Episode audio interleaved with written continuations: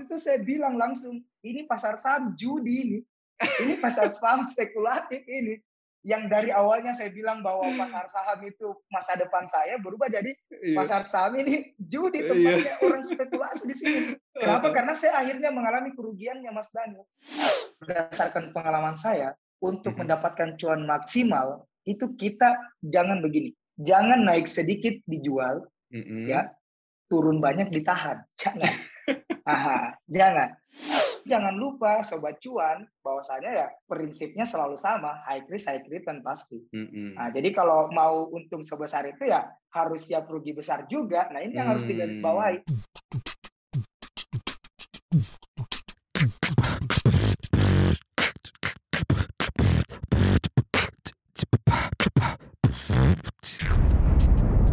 Cuap-cuap cuan. Halo Sobat Cuan, ketemu lagi bareng Daniel Wiguna Dan gue hari ini akan ngobrol-ngobrol nih sama salah satu expert di bidang investasi yang mengkhususkan eh, dirinya di bidang saham gitu ya. Tentu ini sudah nggak asing lagi namanya bagi para Sobat Cuan ya. Ada Mas Raffi Fraya yang mungkin namanya udah lebih dulu masuk ke telinga Sobat Cuan Tapi mungkin juga belum banyak yang melihat sosoknya seperti apa ya. Dan profilnya Mas Rafif seperti apa, cerita hidupnya gimana gitu ya sampai pada akhirnya itu bisa jadi expert banget di bidang persahaman ya. Dan kita akan membahas hari ini terkait dengan investasi ya, utamanya investasi saham nih ala Mas Rafif Raya. Langsung aja nih ya kita sapa Mas Rafifnya. Halo Mas Rafif, kabar sehat? Halo Mas Daniel, alhamdulillah kabar sehat Mas. Gimana Nah. kabarnya Mas Daniel? Kabar baik. Baji-baji kalau kita bilang ya karena Mas Baji, Rafif ini setahu gue Mas Rafif ini kan dari Makassar ya. Kita sama-sama dari Ya, Makassar ya. sama-sama. Heeh. Jadi pertanyaannya harus apa Kareba gitu ya Mas Rafif ya. Ya, baji baji ji. Baji-baji. Kalau cuannya gimana? Baji-baji juga nggak nih cuannya? Baji baji sekali, Baji-baji alhamdulillah. sekali. Iya iya. Oke. Nah, ini yang pengen ditanyain oleh sobat cuan kan karena eh, investasi yang baik itu kan memang tidak hanya mengenal cuannya aja ya, cuannya yang baik, Betul. tapi juga kita harus ngelihat risiko, kita harus ngelihat ya kadang-kadang kita loss dan lain sebagainya. Dan ini tentu juga udah sering disebutkan ya oleh Mas Rafif di IG live-nya dan di presentasi-presentasi sebelumnya. Nah, tapi kalau kita mundur sedikit lagi nih ke profil seorang Mas Rafif. Nah, Mas Rafif ini mulai eh, masuk ke dunia persahaman ini kapan sih Mas Rafif? Oke, baik. Ya, sebelumnya em, salam kenal buat sobat cuan ya. Ini mungkin Mhm. Salam ada cuan yang baru dulu. kenal. Salam cuan dulu. Salam cuan ya. Oke ya, jadi teman-teman sekalian salam kenal. Nama saya Rafif. Mhm. Kalau mulai terjun di pasar saham sebenarnya belum lama sih, masih duluan Mas Daniel kayaknya. saya, soalnya saya baru mulai di tahun 2015 akhir lah. Jadi waktu itu masih mahasiswa dan kebetulan ya namanya mahasiswa waktu itu kan eh, ya sebenarnya bukan tidak seperti sekarang. Waktu itu kita cari informasi soal saham kan eh, cukup sulit lah dibanding sekarang ini di media sosial lah, di YouTube lah, di mana pun kita bisa dapat. Nah waktu itu saya yang masih mahasiswa kebetulan karena kuliahnya di akuntansi juga, Hmm. jadi tidak ya selaras lah dengan apa yang saya ambil. Waktu itu saya mulai dan ya belajar dulu sih waktu itu saya ikut eh, pelatihan. Kebetulan waktu itu saya ikut di Jakarta Mas Daniel. Hmm. Saya sampai ke Jakarta untuk ikut pelatihan karena waktu itu Ikut di Makassar teach me ya, Ya. teach me ya. eh, sebelum itu Mas, sebelum Oh. teach me, sebelum Waduh. teach me. Jadi saya, ya, Angkatannya udah tinggi banget nih berarti nih. Nggak, sebelum itu saya soalnya ada dapat kelas yang Heeh. waktu itu saya belajar saham waktu itu saya kasih keluar uang 25 juta Mas Dan. Heeh. Ya waktu Wow. itu pertama kali ya. Mm-mm. Jadi waktu itu saya nggak tahu kalau ternyata untuk mulai investasi saham semahal itu waktu itu. Eh ternyata saya Hmm. salah kayaknya karena ya begitulah mahasiswa terus eh, langsung mau apa trading saham begitu kan. Ya akhirnya langsung belajar dan waktu itu keluarkan uang 25 juta untuk mulai belajar dulu waktu itu. Eh, Jadi nah, startnya dari mahasiswa, Mas. 25 juta ya, lumayan ya 25 Iya. juta ini modal belajar. Dapat apa aja itu ba- bayar 25 juta itu, Mas Saya waktu itu kebetulan eh, ikut pelatihan yang dari luar, Mas. Jadi saya pelajari semua market. Jadi bukan cuma di Indonesia, tapi belajar di market US, market China, Korea, pokoknya seluruh dunia lah. Waktu itu saya juga dapat software lah. Jadi dia jualan software untuk cuan lah, katanya waktu itu. Hmm, jadi Dari 25 juta ini dapat pelajaran dan juga dapat software percuanan gitu ya. Efektif dapat nggak sih? software. Waktu itu sih saya pikir ini efektif. Jadi saya, saya- karena kan waktu itu kan kita kalau baru mulai pusing kan screening saham gimana. Nah waktu itu dengan toolsnya itu softwarenya itu dia bisa bantu kita. Tapi Hmm. akhir-akhir ini eh, ya saya pikir-pikir kayaknya tidak berguna juga. Sudah bayar mahal-mahal, taunya nggak dipakai juga ya karena ternyata software itu bikin kita bingung juga. Dia dia Hmm. kasih kita pilihan 10 saham. Ya kan nggak Mhm. mungkin kita beli semuanya kan. Akhirnya Iya, kita iya, pilih iya, cuma iya. satu dua beberapa saja. Mm-mm, Akhirnya mm-mm. ujung-ujungnya sekarang malah nggak kepake. nggak kepake ya. Tapi daripada bayar 25 juta kayaknya kalau masuk di close friend-nya Rafif nih di Instagram nih. Bisa nih dapat yang lebih share ya. Iya nggak sih? Iya nggak sih? Gimana gimana? Ah, kalau close friend mah itu urusan ada Instagramnya teman-teman sih tim saya Mas Daniel itu di WBS itu Heeh. waktunya beli saham itu dia suka sharing-sharing kode-kode lah di situ kode-kode saham yang katanya bisa memberikan cuan. Oh gitu. Yang salah satunya rekomendasinya datang dari Mas Rafif ya nggak nih? No, no, no, no. Nggak- ada itu itu sebenarnya rekomendasi dari teman-teman sih screening screening yang mau day trade itu lebih cocok. Ah, Soalnya iya, kalau iya, saya iya. sekarang eh, tidak terlalu sering untuk day, day trade sih. Kalau teman-teman yang mau day trade ya boleh silahkan dilirik kode-kodenya. Oh gitu. Iya ya. Kirain ini semuanya datangnya dari Mas Rafif nih karena Enggak. kan mm, No, ada no, no. biasanya di balik eh, di balik satu Instagram anonimus itu ada ghost ghost writer gitu-gitu kan. Karena ini Oke, oke. kebetulan teman-teman rata-rata sudah full time trader. Mhm. Dia memang aktivitasnya cuman pantau-pantau market ya. Mereka lah yang gonta-ganti Hmm. apa sharing-sharing di sana. Menarik sekali. Nah, tapi kan tadi kalau Mas Rafif bilang ini kita eh, sekalian ngebahas sedikit ya Mas Rafif ya. Ini kan eh, kalau yang ngelihat dari WBS itu adalah yang suka day trade gitu ya. Artinya kan eh, scalping gitu ya atau fast trade eh, tradingnya cepat gitu. Nah, kalau Mas Rafif ini berarti alirannya gimana nih? Investing ya, lebih jangka panjang gitu ya atau swing trade? Oke, ya. Jadi benar sekali, Mas. Kalau saya itu sekarang kalau eh, trading ya paling swing aja sih. Hmm. Nah, cuman saya memang lebih saat ini sih lebih lebih fokus buat investing. Soalnya kan Hmm. aktivitas juga eh, saat ini tidak mampu untuk pantau-pantau market, jadi tidak bisa Mm-mm. scalping, tidak bisa fast trade. Jadi ya paling paling mentok sih paling bisa swing trade sih. Hmm, gitu ah. ya. Ya Dan- kalau dulu kalau dulu sih iya, kalau dulu awal-awal ya orang baru mulai mau cepat kaya kan, Iya Ya, benar pasti- benar benar. pasti fast trade lah. Awal-awal Pasti. kita lihat eh, apa eh, orang-orang lain "Ih, kok bisa ya sehari dapat 5%, kok bisa ya sehari bisa Iya, 10%. benar. Ya sudah kita ikut-ikut saja. Wah, bisa ini kita Ah, ah. jadi kayak cepat dari trading ini kalau Iya. begini. Tapi tapi sama Mas Rafif nggak cocok ya fast trade itu ya? Dulu cocok, Mas. Dulu cocok. Soalnya kan bisa bantau kan waktu masih mahasiswa kan kita eh, apa waktu kosongnya banyak. ya kan waktu kosong banyak terus bisa pantau terus jadi ya cocok lah kalau sekarang Mm-mm. aduh ditinggal sedikit sebentar saja itu rasanya eh, sulit begitu Oh sulit. Aduh, Jadi, ah. posesif ya. Berarti kalau ya kalau saham ya fast trade itu posesif gitu ya, harus iya, dipantau terus ah, gitu ya. harus dipantau terus mau mau nggak boleh ditinggal biar sebentar juga jangan ditinggal Iya iya iya iya. apalagi Kayak- scalping itu kan mas ya Mm-mm. harus dipantau terus gitu ya. Iya. Nah, tapi eh, tadi kan Mas Rafif bilang saking antusiasnya pengen belajar gitu sampai ba- berani bayar 25 juta untuk eh, pelajarannya seperti apa, kemudian dapat software juga yang pada akhirnya ya ya so-so lah gitulah ya nggak tahu ini akhirnya gimana softwarenya. Nah, ini semangatnya ini sebenarnya datang dari mana sih untuk pilih instrumen saham gitu? Instrumen kan itu ada banyak banget. Kalau kita cari persentase, ada yang namanya forex juga gitu ya, ada yang namanya futures, ada sekarang ada kripto. Ini tapi kenapa nih? Milihnya justru saham gitu. ya oke jadi eh, menarik sekali pertanyaannya nih Mm-mm. mas Daniel Mm-mm. Jadi saya jujur saja, saya Iya. sebenarnya adalah orang yang lebih suka belajar dulu, Hmm. baru eh, terjun begitu. Waktu itu kebetulan kan saya latar belakangnya akuntansi, ya Mhm. ya kenal-kenal saham sedikit lah. Kebetulan hmm. orang tua juga saya dosen. Dia hmm. ambil program dokter juga akuntansi dan akuntansi. Ya, disertasinya Waduh. soal pasar saham. Waduh. Nah, jadi jadi secara tidak langsung memang pengetahuan saya ada di di saham sih. Uh. Jadi basic keilmuan ada di saham.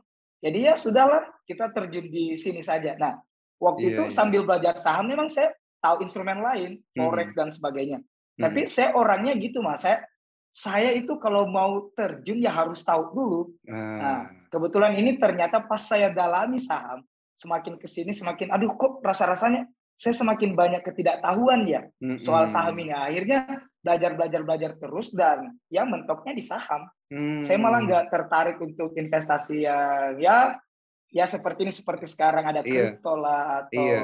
ya lain-lain lah. Tapi Jadi, tapi nyoba-nyoba nah. nyoba-nyoba yang lain udah pernah dong futures uh, coba gitu reksadana coba iya iya kalau kalau investasi di pasar modal sih saya coba mas bahkan uh. kalau untuk sampai saat ini pasar modal pasti ya reksadana obligasi hmm. pasti iya nah tapi kalau untuk ke kripto forex itu saya sama sekali tidak hmm. jadi menurut saya waktu itu saya pikir rasa-rasanya saham sudah cukup hmm. nah jadi sudah cukup dan alhamdulillah alhamdulillah saya sudah ya sudah matang lah. Uh, uh.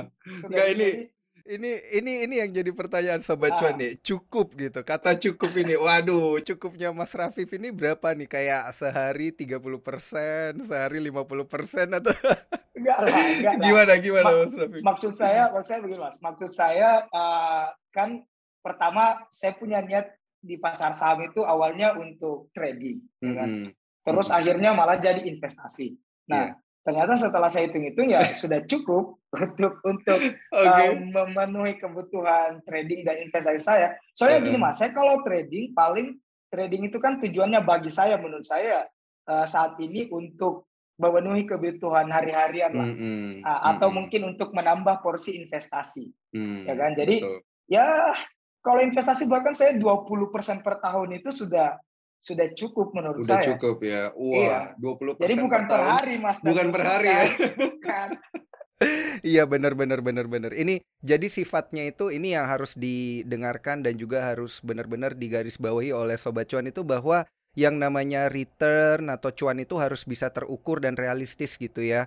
Mas Rafif ya. Ya hmm. menarik sebenarnya Mas. Soalnya belakangan ini itu memang hmm. banyak sekali orang yang harapkan ya itulah sehari 10%, ya, benar, sehari benar. 20% ya memang memang faktanya memang bisa Mas dan mm -hmm. dan mm -hmm. dan tidak bisa kita pungkiri saham ARA kan naik maksimal bisa sampai 35 persen bahkan. Betul. Satu betul. hari ada orang mungkin bisa saja dapat 35 persen per hari. Ya mungkin mm -hmm. itu rezekinya dan hokinya mm -hmm. dia kan. Mm -hmm. Nah tapi jangan lupa sobat cuan bahwasanya ya prinsipnya selalu sama high risk high return pasti. Mm -hmm. Nah jadi kalau mau untung sebesar itu ya harus siap rugi besar juga. Nah ini yang mm -hmm. harus digarisbawahi dan kadang dilupakan sama teman-teman sobat cuan ini.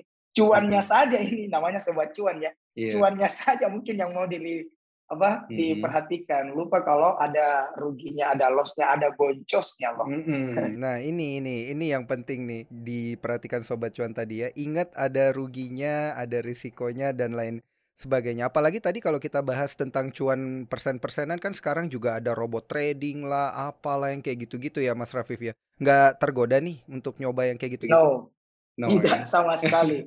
Dan, Pesannya ya, apa sih buat para iya. sobat ya. cuan nih yang suka menurut yang saya cuan begini, kayak gitu-gitu? Ya. Uh -huh. Oke oke. Jadi kalau menurut saya begini, bicara soal trading saham mm -hmm. dan uh, target-target kita tadi sudah dijelaskan sama Mas Daniel, kita harus mm -hmm. punya target yang terukur dan realistis, mm -hmm. ya kan? Nah, um, sejatinya kalau kita trading itu kan memang kita andalkan kemampuannya kita, pengetahuannya kita dan pengalamannya kita untuk bertransaksi. Mm -hmm. Nah, kalau kita gunakan jasa anggaplah robot trading ataupun bahkan mungkin uh, ada yang titipkan dananya lah seperti itu. Itu kan sebenarnya apa tidak menggunakan kemampuannya dia untuk melakukan transaksi. Mm -hmm. ya kan? Nah, padahal sebenarnya ketika kita mau transaksi ini kan uangnya kita. Nah, -hmm. uangnya kita ya kita yang harus bertanggung jawab sama uangnya kita dong. Ya iya, kan? betul. Kita serahkan betul. ke robot, kita serahkan ke orang lain. Artinya kan itu bukan bukan kemampuannya kita, bukan pengetahuannya hmm. kita dan bukan toleransinya kita seperti hmm. itu. Nah, hmm. jadi ya itulah. Jadi tidak usahlah tergoda-goda hmm. dengan yang seperti itu menjanjikan return dan sebagainya. Aduh, Jangan, Mhm. tidak usah. Bener-bener berarti kita yang harus bertanggung jawab ya sebenarnya ya Iya, gitu ya. betul, I- betul, Mas. itulah yang sebenarnya eh, banyak dilupakan oleh para sobat cuan juga gitu ya. Mungkin karena tergoda terkait dengan return ya dan lain sebagainya akhirnya lupa bahwa itu juga ada resikonya. Nah, tapi kalau kita ngomong-ngomong nih tentang Mas Rafif yang memulai eh, trading di saham gitu ya awalnya ini modalnya berapa nih mulainya di awal nih Mas Rafif nih? Apakah langsung 500 juta gitu Oh, atau mungkin satu miliar gitu kan? aduh. Kayaknya kalau mahasiswa waktu itu belum apa ratusan juta miliaran belum sampai Belum ya? hitungan sih Mas. Ah, ah. Apalagi waktu Iya, itu kan ya saya kan mulai waktu masih mahasiswa. Dan Mhm, waktu itu kebetulan saya eh, sementara kuliah ada bisnis kecil-kecilan juga, Mas. mhm, Nah, waktu mhm. itu kan setelah saya belajar, itu kan yang tadi saya bilang 25 juta untuk modal belajarnya. Belum modal eh, tradingnya lah. Nah, waktu Mhm. itu setelah saya merasa bahwa saya, oh ilmu saya sudah cukup, ayo saya eh, mulai trading. Nah, waktu itu saya mulai dengan mengambil semua uang yang saya miliki dari bisnis kecil saya itu, Mas. Jadi Buset. waktu itu saya mulai ya, ya sebenarnya bisnis kecil sih. Jadi waktu itu cuma punya ya 5 juta lah. Jadi saya mulai dengan 5 juta waktu itu. Serius. Yes. Iya, jadi ya mahasiswa uang 5 Buset. juta Iya, iya, ya iya, iya, iya, sebenarnya iya. cukup besar sih waktu itu, Mas. Iya, iya, iya, betul, betul, Dan betul. tidak ada prinsip-prinsip uang dingin lah, uang pokoknya kalau bisa sepanas-panasnya digunakan. Ya namanya masih mahasiswa ya, Mas ya. Kita eh, resiko juga sangat-sangat tinggi lah. Iya, Jadi iya, waktu iya. itu semua uang yang saya punya di kantong di apa di ATM ya saya, saya ambil semua, saya mulai trading saham karena waktu itu saya Heeh. dapat ilmu bahwasanya wah saya bisa hidup dari trading saham. Jadi ya sudah, Wah, saya ambil semua uang saya waktu itu. Jadi saya mulai dengan modal 5 juta Mas Daniel. Tapi bener nih kata Mas Rafif ya, yang namanya mahasiswa ya semuanya uang panas kayaknya. Iya, betul iya. Ya, ya mungkin beda lah kalau kita uh, anak sultan atau anak siapa lah. Iya, Tapi iya, kalau uh, masih mahasiswa dan kita sedang berjuang, ya sudah Mhm. pasti yang digunakan ya mau ndak mau uang uang Iya. panas. Tidak Iya, ada istilah itu. uang darurat ada, ada darurat ah. belum ada. Iya, iya, Semua. iya. Terus gimana tuh ceritanya berhasil tuh dapat dapat untung besar dari Nah. pertama kali belajar itu? Nah, jadi cerita singkatnya gini Mas. Saya kan mulai Mhm. dengan modal 5 juta. Dengan setelah belajar saya pe- percaya diri bahwasanya saya uh, punya ilmu lah. Akhirnya saya mulai dengan modal 5 juta. Saya akhirnya uh, trading saham waktu itu. Nah, alhamdulillahnya di bulan pertama saya trading itu saya cuan Mas. Hmm. Alhamdulillah 10% Mhm. waktu itu. Jadi dapat sekitar Wah. 500 ribu lah. Ah, waktu Tuh. itu 500 ribu mahasiswa ya lumayan lah. Bisa Heeh. untuk sebulan makan jajan kan sudah cukup lah waktu Bisa itu. pakai Apalagi buat traktir pacar gitu ya. ya boleh lah. Boleh lah. Nah, jadi jadi eh, pas saya, saya berpikir bahwasanya wah sepertinya memang pasar saham ini cocok buat saya. Sepertinya pasar saham ini benar-benar masa depannya saya. Karena Heeh. 10% per bulan saya Iya. dapat, ya tentu saja ya dibanding bisnis saya sebelumnya ini ini menarik ini. Iya, iya, Jadi iya, akhirnya iya. saya saya percaya diri bahwasanya ya sudah saya fokus di pasar saham saja deh. Kayaknya Hmm. memang ini masa depanku. Nah, akhirnya dengan kepercayaan diri itu Mas, saya lanjut lagi nih di bulan kedua kan. Nah, tapi saya berpikir begini, di pasar saham itu kalau modalnya kita besar, itu pasti untungnya kita juga pasti besar kan Mas. Mm-mm. Nah, akhirnya di bulan kedua saya tambah modal. Hmm. Ah, dan ini lebih panas lagi karena ya ini jangan diikuti ya sobat cuan ya. Jangan sama sekali diikuti. Waktu itu saya ambil pinjaman, Mas. Buset. Pakai Nah, pinjol lagi jangan-jangan. Iya, eh, pakai waktu itu eh, belum marak pinjol, Mas. Waktu Oh, itu saya ambil pinjol. kur. Karena kan saya ada Oh. bisnis kecil-kecilan jadi saya Oh ambil iya kur. iya iya iya. iya. Ya, alhamdulillah dapat uang 25 juta waktu itu dana kur lah. Nah, saya gunakanlah uang 25 juta itu untuk trading saham di bulan Mm-mm. kedua. Mhm. Jadi ada sekitar 30 juta 500 lah modal saya di bulan Mm-mm. kedua. Mm-mm. Dengan ekspektasi bahwa saya dapat 10% per bulan, ya Mm-mm. pasti saya saya hitung-hitung saya bisa bayar ini cicilannya. Dan Mm-mm. alhamdulillahnya bulan kedua ya saya cuan lagi Mas Daniel. Mantap. 10% lagi. Bahkan lebih tinggi waktu itu saya dapat belasan persen, hampir 15 persen kayaknya. Wah. Jadi empat setengah juta saya saya kantongi sebagai mahasiswa dalam satu bulan. Iya iya. Saya semakin percaya diri dong, Mas Iya Daniel. iya ya iya kan? iya. iya. Saya bilang, aduh benar deh, kayaknya ini pasar saham memang masa depanku. Iya, Kayaknya ini gue banget untuk- nih, gue Gue banget. banget iya. ini. Gue banget ini pasar saham. Ya sudahlah, Iya iya. dan dan ketamakan itu makin datang. Oh iya. Kita kalau Makin mulai greedy gitu saham, ya, Iya makin makin greedy. greedy. Heeh. Dan saya coba lagi lah di bulan ketiga. ah, yang ini bulan ketiga lebih ekstrim lagi nih Mas Daniel. Pakai pinjaman Karena lagi. iya pakai pinjaman lagi karena kan saya Buset. berpikir begini, Iya. modal iya. besar pasti hasilnya besar. Iya iya. Nah, ini sekali lagi sobat cuan tolong jangan jangan diikuti. Karena waktu itu saya jaminkan salah satu aset di rumah saya Gila. itu untuk dapat pinjaman. iya. Mobil. Jadi ya. saya- Jaminin mobil ya. ya saya dapat 100 juta lah waktu itu Mas. Heeh, untuk pinjaman. Heeh. Untuk pinjaman dan untuk mulai apa eh, di bulan ketiga itu saya sudah ada 140 jutaan lah Mas Mm-mm. Daniel. Jadi baru bulan ketiga itu saya sudah risknya Mhm. tinggi sekali Mas Daniel. Iya iya iya. Ya karena kalau kita baru mulai itu kita yang kita buru selalu cuan cuan cuan dan cuan. Iya. Dan apa yang terjadi di bulan ketiga Mhm. ini Mas Daniel kalau bisa lihat muka saya ini sekarang sudah tidak bisa tersenyum seperti ini lagi. Waktu itu itu Apa akhirnya saya mengalami yang namanya kerugian Wah. Ruginya Iya, banyak lagi. dan ruginya sebenarnya persentasenya waktu itu tidak besar. Mhm. Secara persentase tidak besar. Mhm. Ya kan kita kalau belajar kan kita ada istilah stop loss dan cut loss. Betul ya kan? betul. Men- mentor kita, guru kita itu sampaikan ke kita kalau sudah sampai batas cut loss jual langsung jual. Nah, Mhm. tapi Mas Daniel yang Mhm. trading itu saya, bukan mentor saya kan, bukan guru gurunya saya bukan. Waktu itu kerugiannya saya yang alami. Heeh. Persentasenya mungkin masih batas wajar, tapi nominalnya sudah besar Mas Daniel. Iya iya. Jadi iya. apa yang terjadi waktu itu saya bilang saya tidak usah cut loss lah, nanti juga naik lagi. Iya Ya iya kan? iya betul. Ah. Betul betul betul. Iya, karena apalagi pengalaman kemarin kan saya lihat wah naik naik naik. Ternyata Mhm. waktu itu marketnya memang lagi bagus pas saya masuk. Oh.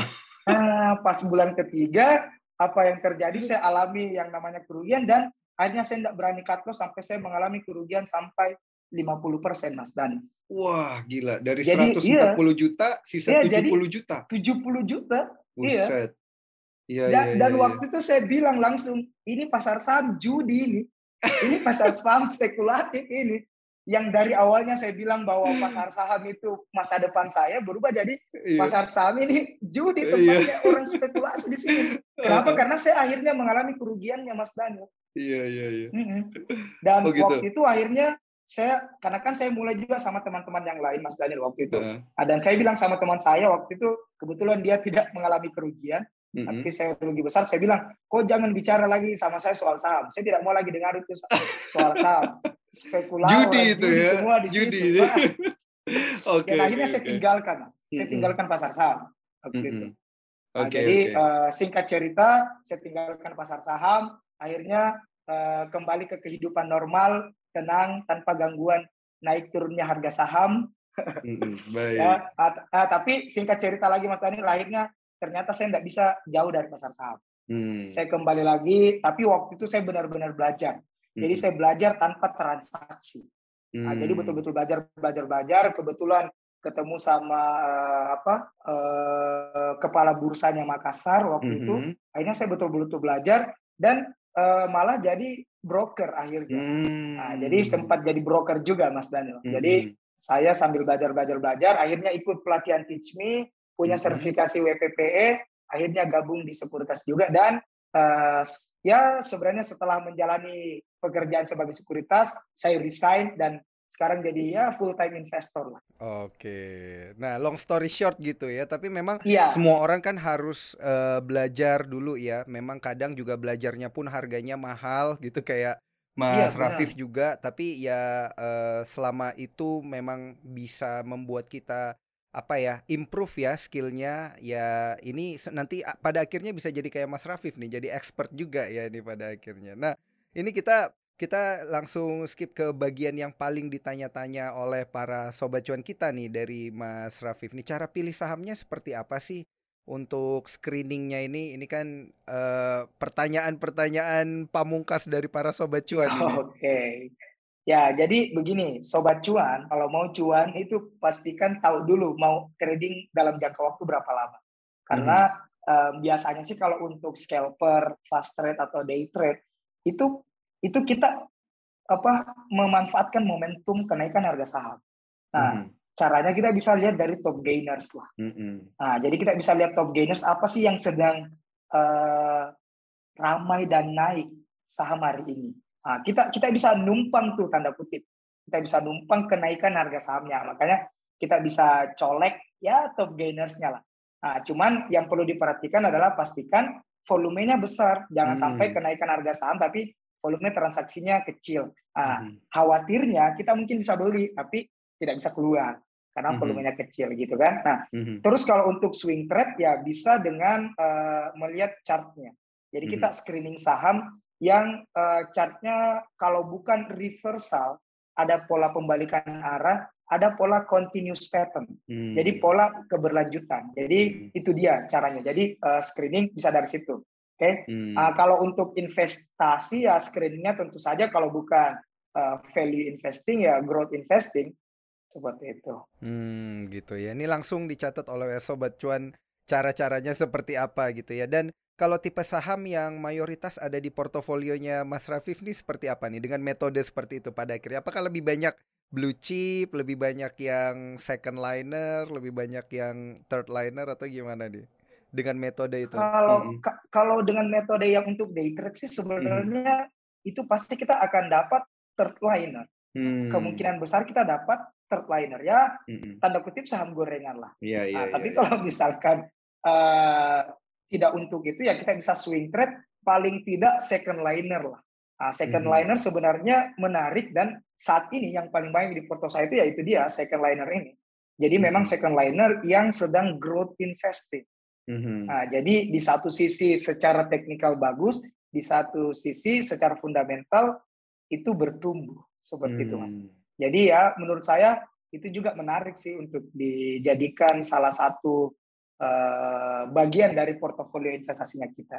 Hmm, oke okay, oke okay, oke. Okay. Tapi tadi ya kembali lagi ya ke cara pemilihan sahamnya berarti harus ngelihat yang ya. volumenya gede juga gitu ya. Iya, harus, harus. Hmm. Itu itu konfirmasi besar itu, Mas.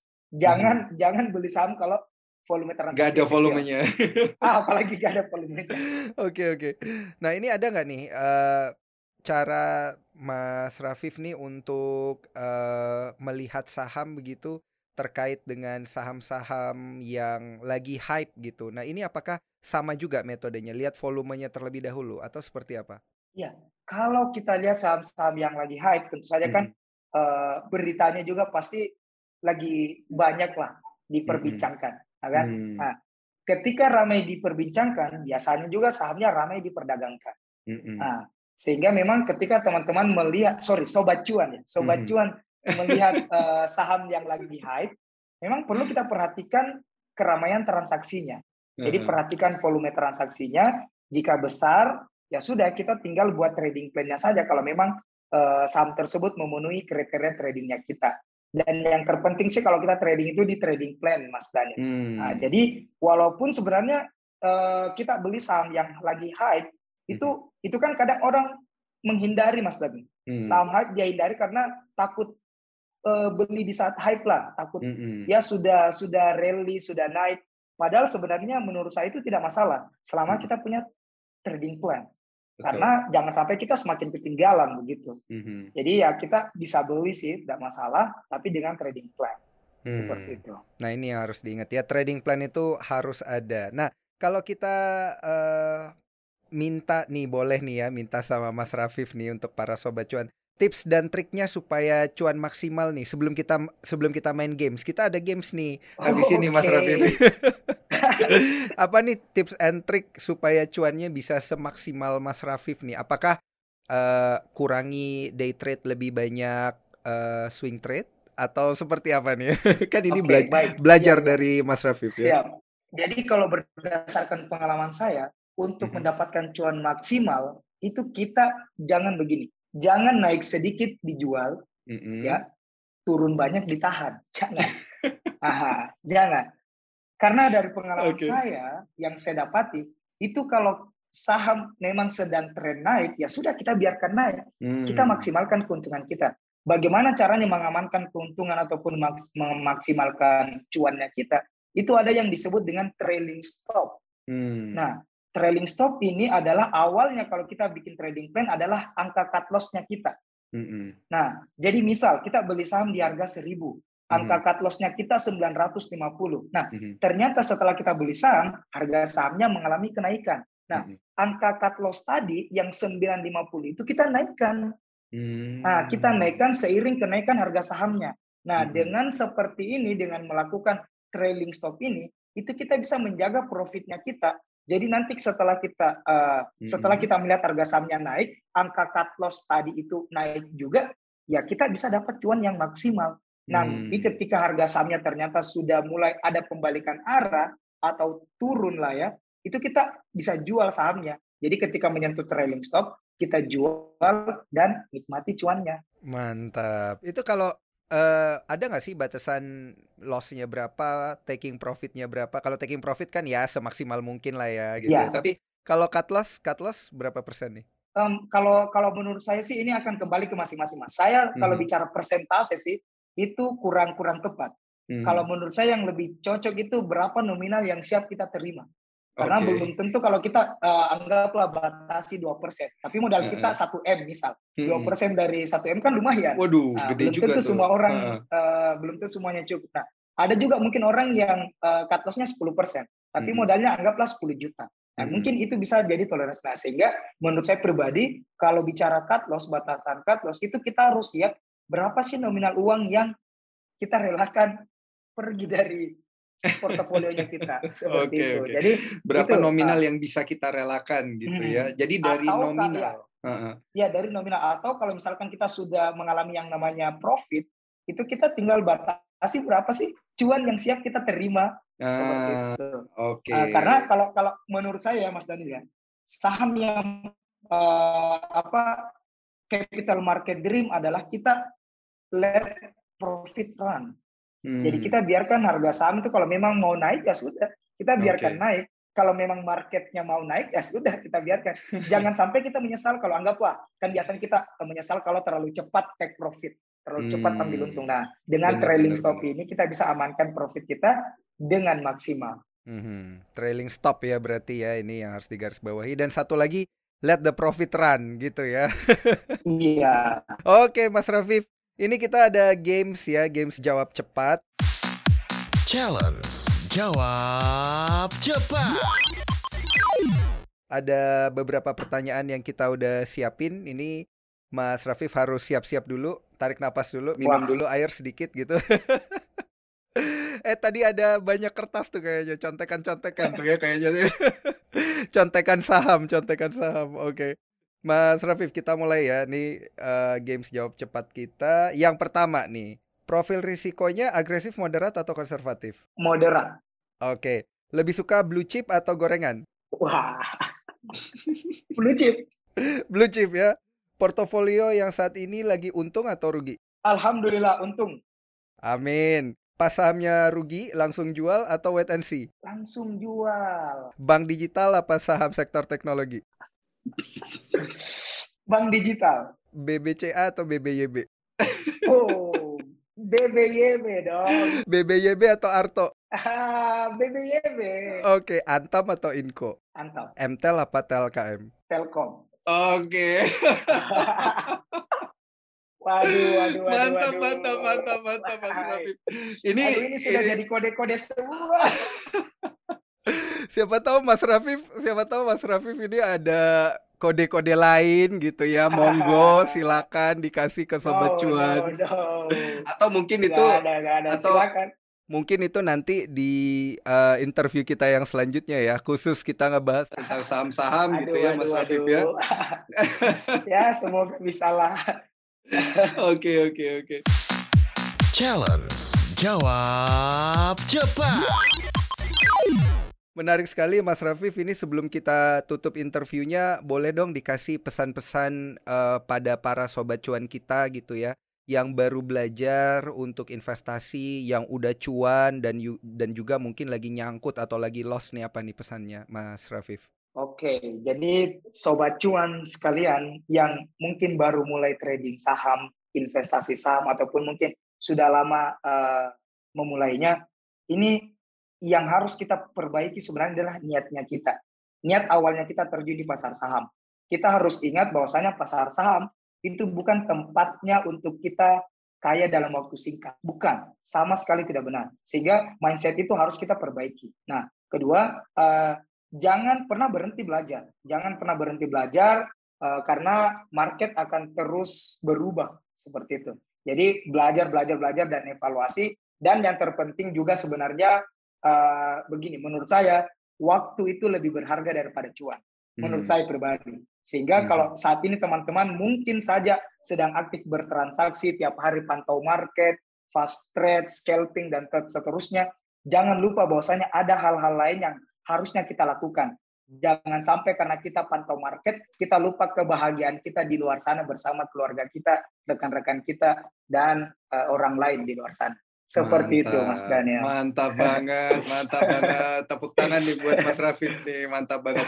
Thank you banget, thank you banget ya Mas Rafif. Ini uh, bener-bener adalah kalau yang gue bilang work life balance gitu ya di dunia saham ya. Jangan karena nginget cuan kita lupa keluarga dan lain sebagainya gitu-gitu ya. Banyak hal yang lebih penting daripada cuan gitu ya. Bener ya Mas Rafif ya? Betul sekali Mas Daniel. Mantap. Terima kasih banyak sekali lagi Mas Rafif atau nama lengkapnya uh, ku sebutin nggak apa-apa ya. Ahmad Rafif Raya dan juga ternyata Mas Rafif ini adalah founder dari Trust.id. Sukses terus ya buat trust.id-nya Mas Rafif sukses juga buat ya. Mas Rafif. Terima kasih, terima kasih banyak Mas Daniel, terima kasih atas undangannya. Sehat dan sukses selalu juga buat Mas Daniel ya. Thank you. Semoga bisa ketemu nih. langsung Mas. Iya, siap.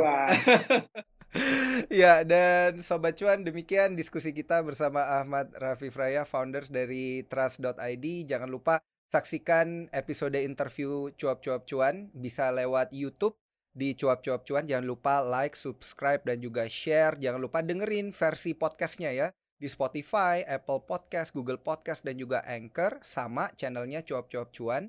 Dan juga dari Instagram cuap underscore cuan. Gue Daniel Wiguna pamit undur diri. Sampai jumpa di episode cuap-cuap cuan selanjutnya. Bye!